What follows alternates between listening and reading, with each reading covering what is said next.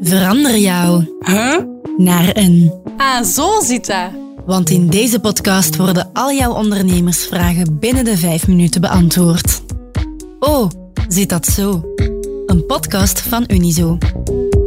Hallo, met de Unizo Ondernemerslijn. U spreekt met Leen. Waarmee kan ik u helpen? Hey, ik baat thuis een koffiezaak uit die duidelijk populairder aan het worden is, want het wordt steeds drukker. Mag mijn mama onvergoed komen helpen in mijn zaak wanneer het drukker wordt? Oké, dat is een vraag waar ik je zeker mee kan helpen. Als je een eenmanszaak hebt, dan kan je mama onvergoed als helpster aan de slag.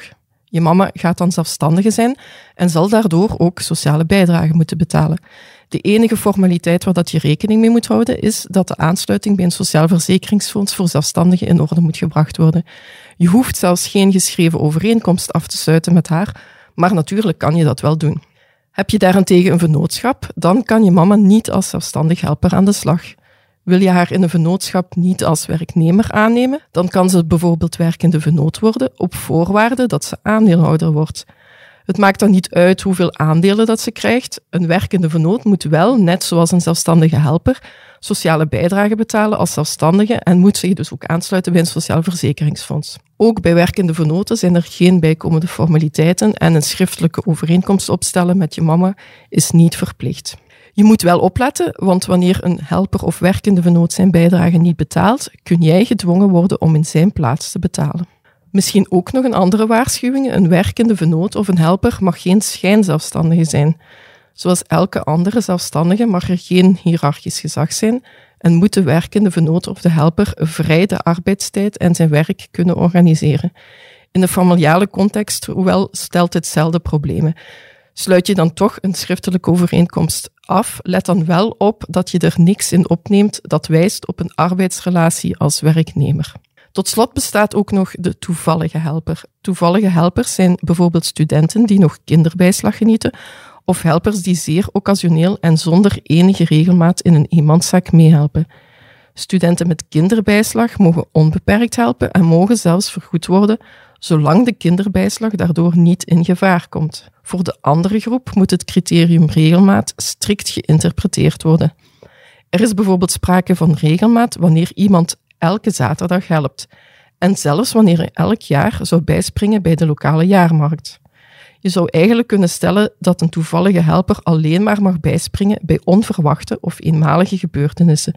Bijvoorbeeld omdat jij of een van je werknemers onverwacht ziek is, of wanneer je tijdens de openingsuren andere verplichtingen hebt. Een occasionele helper mag maximum 90 dagen per jaar helpen. Als ik geen arbeidscontract wil opstellen, kan ik mijn mama dan op een andere manier vergoeden? Zeker, aan helpers en werkende vennoten kun je een bezoldiging toekennen. Doe je dat, dan moet er bedrijfsvoorheffing ingehouden worden en zal je jaarlijks ook een fiscale fiche moeten opstellen.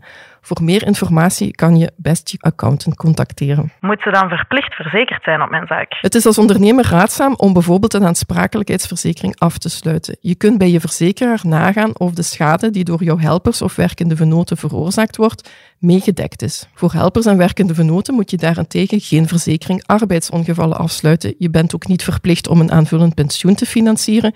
Je moet geen verzekering gewaarborgd inkomen voorzien enzovoort. Het is immers zo dat een zelfstandige verondersteld wordt om zelf voor zijn sociale zekerheid en zijn aanvullende verzekeringen die hij zelf kiest te betalen. Toch mag je wel verzekeringen in zijn voordeel afsluiten als je dat wil, maar hou er dan rekening mee dat de helper er mogelijk belastingen op moet betalen als voordeel alle aard. Oh, zit dat zo is een podcast van Unizo met expertise van onze interne diensten en onze partners. Wil je wat meer informatie over dit topic? Surf dan naar de kanalen van Unizo of klik op de link in de show notes. De productie en de eindredactie gebeurden door Keana van Houtegem en Babette Plessers. Ben je lid van Unizo, dan kan je net zoals de ondernemers in deze podcast contact opnemen met de ondernemerslijn voor gratis advies. Dat kan gemakkelijk op het nummer 02 21 22 678. Wil je beroep kunnen doen op onze in-house expertise, maar ben je nog geen lid van Unizo? Ga dan voor samen ondernemen en surf als de bliksem naar www.unizo.be.